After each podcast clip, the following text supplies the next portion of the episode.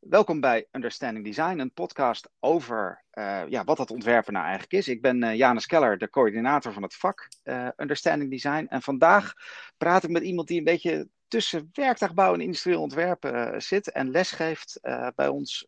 en dat is Sander Minoy. Hallo. Hoi, goedemorgen. Ja, nog een keer, ja, want we hebben keer, al ja. eerder opname gemaakt, dus we proberen het nog een keer. Um, ja, um, ik ben wel benieuwd. Uh, uh, ja, jij bevindt je dus, zoals ik net zei, tussen die twee vakgebieden. Dus dan kan je ook goed zien wat nou eigenlijk dat industrieel ontwerpen uh, is. En wat, wat is, waar, waar zit de grens eigenlijk tussen dat werktuigbouwen en industrieel ontwerpen?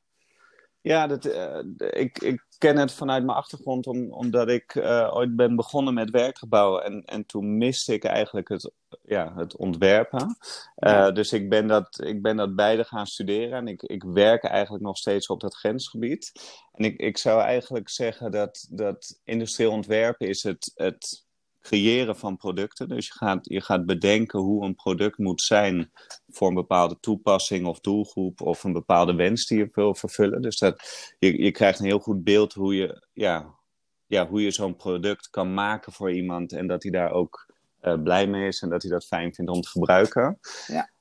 Um, en dan, dan ga ik vaak ook nadenken over hoe ga je dat product uh, produceren. Dus hoe zou je dat in plaats van één, uh, hoe zou je er meerdere kunnen maken? Dus hoe zou je bijvoorbeeld honderd keer hetzelfde product kunnen maken? En hoe kan je je product daarvoor, ja, als het ware, op optimaliseren, zodat je ja, op, een, op een haalbare manier een product kan ontwerpen waar veel mensen gebruik van kunnen maken.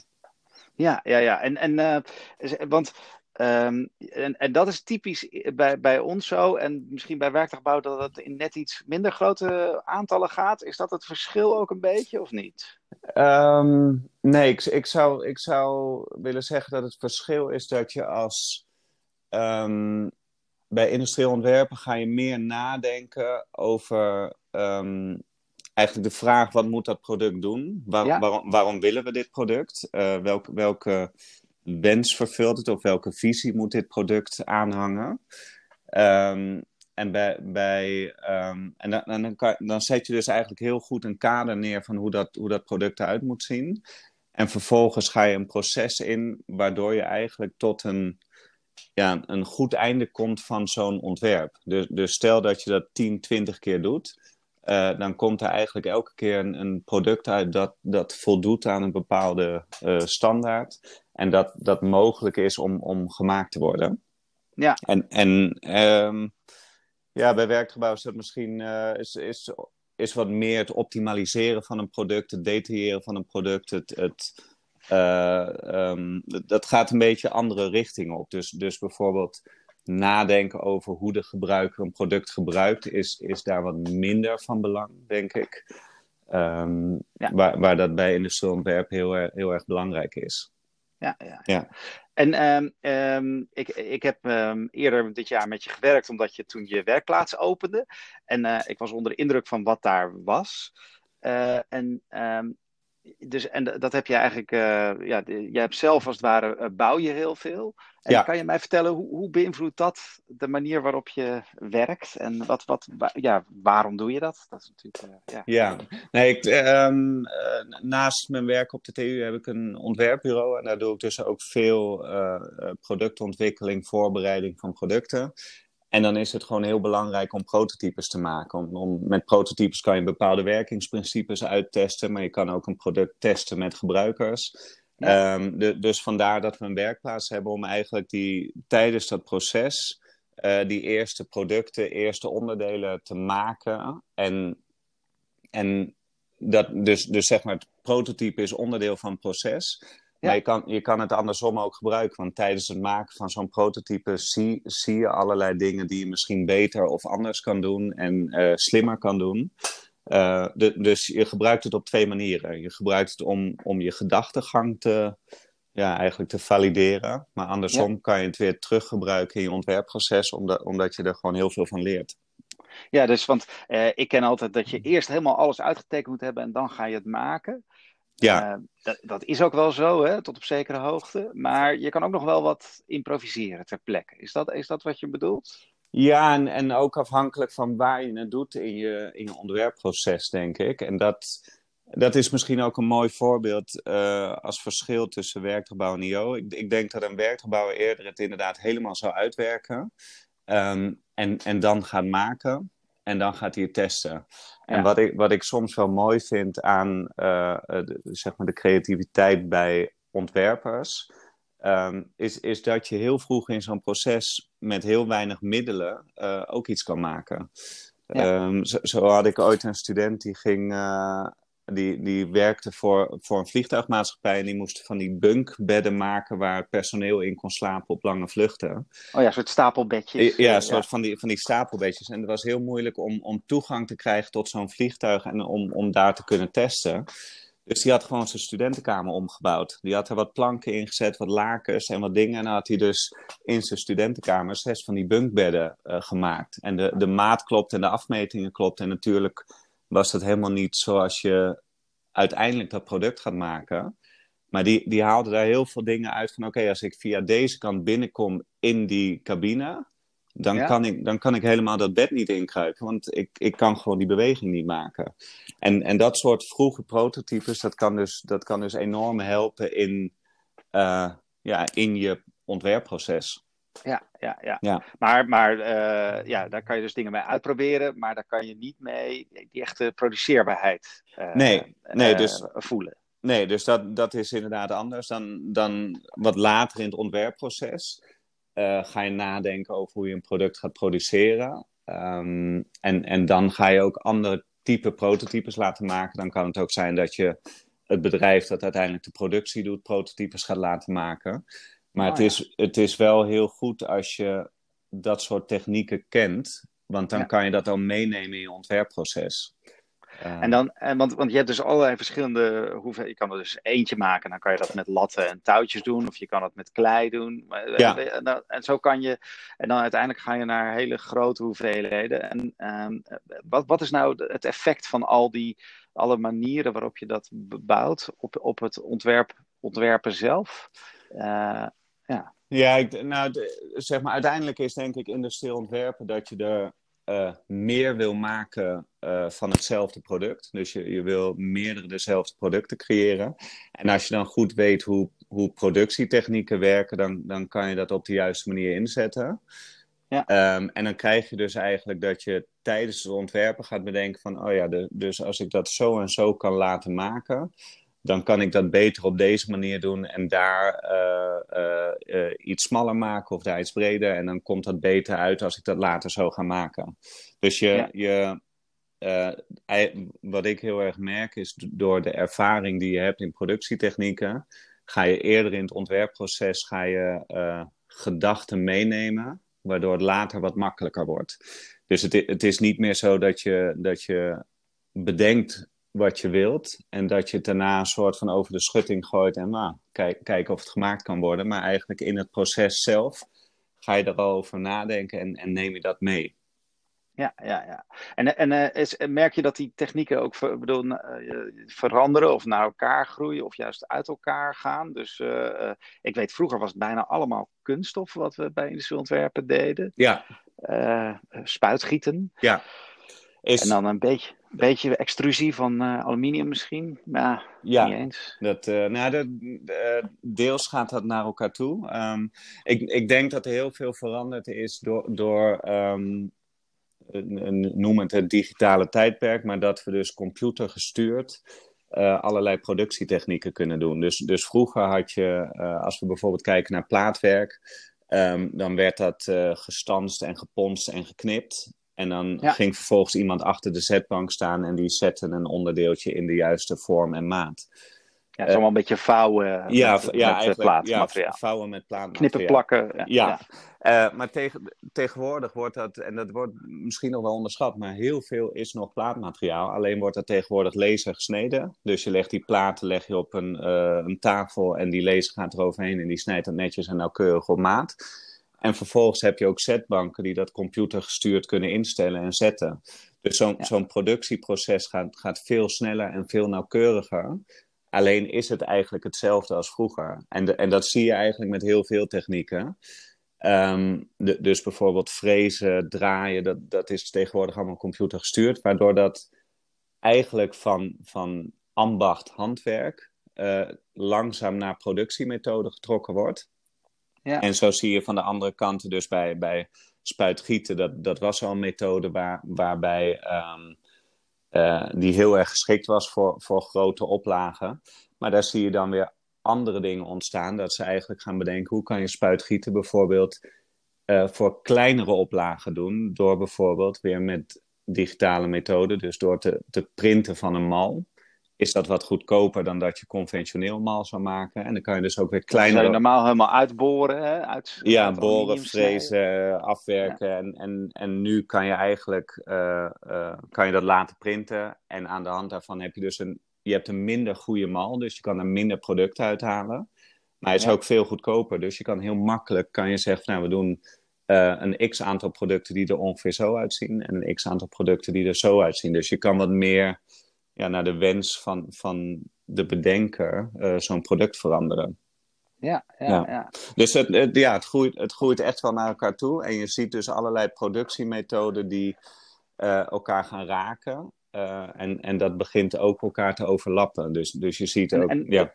Dat zie je ook in de producten terug in de wereld. Of zie je dat eigenlijk niet terug? Want je zei die plaatmateriaal, dat deden we vroeger al, maar dan met de hand. En nu doen we het uh, met de computer. Maar de producten, zien die er helemaal hetzelfde uit? Of gaat dat dan ook veranderen? Nee, ik, ik, dat vind ik altijd mooi als je... Dat merk ik in ieder geval voor mezelf. En dat, dat, is, dat vind ik over het algemeen heel leuk. Maar dat is soms ook een nadeel. Als je met, met producten bezig bent en aan het ontwerpen, dan, dan kijk je daarnaar. Dus, dus als je naar auto's kijkt, dan, dan zie je daar dingen aan. En als je dus gaat terugkijken, eh, stel je pakt een type auto en je gaat kijken hoe die auto er nu uitziet, 10 jaar geleden, 20 jaar geleden, 30 jaar geleden. Dus de, de Golf of zo ja, is wel een lekker voorbeeld. Ja, precies. De Volkswagen Golf. Het is een, een auto die is er al een hele tijd uh, en, en die verandert een klein beetje. En, en dat is dus mooi in, in visie van product verandert het niet. Het is een auto op vier wielen met een stuur, uh, vijf deurs, laten we het even zo samenvatten, ja. voor, een bepaalde, voor een bepaalde doelgroep. Maar als je gaat kijken hoe die auto eruit ziet over de jaren heen, is dat heel erg veranderd. En dat is aan de ene kant omdat het ontwerp verandert, dus wij, wij willen graag dat hij er anders uitziet. Maar je ziet als je goed gaat kijken, daar ook heel veel dingen veranderen in productietechnieken. Dus, dus... van de stoel tot aan de knopjes, alles verandert, of niet? Ja. Maar door de productietechnieken ook. Ja, alles, alles verandert. De, dus, in, dus inderdaad, uh, uh, knopjes, stoel, uh, stoelen, handgrepen, spiegels, het glas, het, het, plaatwerk. Dus dat is misschien de makkelijkste om naar te kijken. Vroeger was een, een auto vaak uh, vierkant en hoekig. En nu zie je daar veel meer dubbel gekromde oppervlakte in terugkomen. Ja. Omdat dat kan. Uh, verlichting bij de auto is ook heel interessant. Dan ineens zie je, zie je LED-strips uh, of LED-puntjes langskomen, omdat dat kan. Dat is ineens een, een product dat je kan verwerken in je auto. En, en dat willen mensen graag zien. Dus, dus... Ja, en eerst is het gewoon nog een koplampje met een ledlampje in plaats van een gewoon lampje. Ja. En daarna wordt het uh, streepjes, cirkels en andere dingen, ja, toch? Ja, ja, precies. En, en dat is dan ook wel grappig als je bijvoorbeeld nu kijkt naar die verlichting. Als je die knipperlichten ziet, dan zie je dat die zo heen en weer gaat, dat knipperlicht. Ja. Eigenlijk kon dat, dat tien jaar geleden al, maar in, in elektronica was dat best wel lastig om aan te sturen. Uh, dus, de, dus de LED-strip zat er al in met de verschillende LEDjes. En dan nu beginnen ze die elektronica ook steeds beter te kunnen aansturen. En denk je, nou, dan is dit wel een extra toevoeging. Het is, het is een duidelijker signaal dat je naar rechts gaat. Uh, ja. het, het ziet er mooier uit. En qua productiemethode of, of qua productimplementatie kan het ook. Dus, dus ja pak elk willekeurig product en ga gewoon eens kijken hoe dat er nu uitziet, hoe dat er vroeger uitziet en wat, wat daarvoor ja, evolutie in ziet. En dan zie je allerlei. Dat kan je zelfs, dan kan je zelfs met een blikkenopener of een kurkentrekker, of uh, weet je wel. Ja. kan je dat ook doen, toch? Uh, uh, wijnflessen, je noemt de kurkentrekker. De, de kurk was vroeger een kurk. nu kunststof? Ja, je moet tegenwoordig erg je best doen om, om een fles te vinden met een kurkendop. Dat is een kunststofkurk of dat is een, een schroefdop. Dus je ziet allerlei van die dingen veranderen. En dat, dat heeft heel vaak te maken met, met productietechnieken en wat er eigenlijk mogelijk is. Uh, ja. ja. En mooi, dat is eigenlijk al een soort van tip, maar nu wil ik toch, uh, ja, om het af te sluiten. Uh, als nou een student eerstejaars uh, ontwerpen, die, die hier net aankomt, ja, wat beter wil begrijpen wat ontwerpen is, zoals jij dat nu omschrijft, wat zou die dan eigenlijk moeten doen, behalve ja, heel veel knutselen? Kijk, ik zou willen, willen aanraden om een paar YouTube-filmpjes te gaan kijken. En dat, is, dat is van het kanaal This Old Tony. En die, oh, ja. dat is een man die um, heel conventioneel producten maakt. Dus het is veel draaien en frezen en plaatwerk zetten. Maar hij doet dat op een hele leuke manier. En, en daardoor begrijp je heel goed hoe, hoe producten gemaakt worden.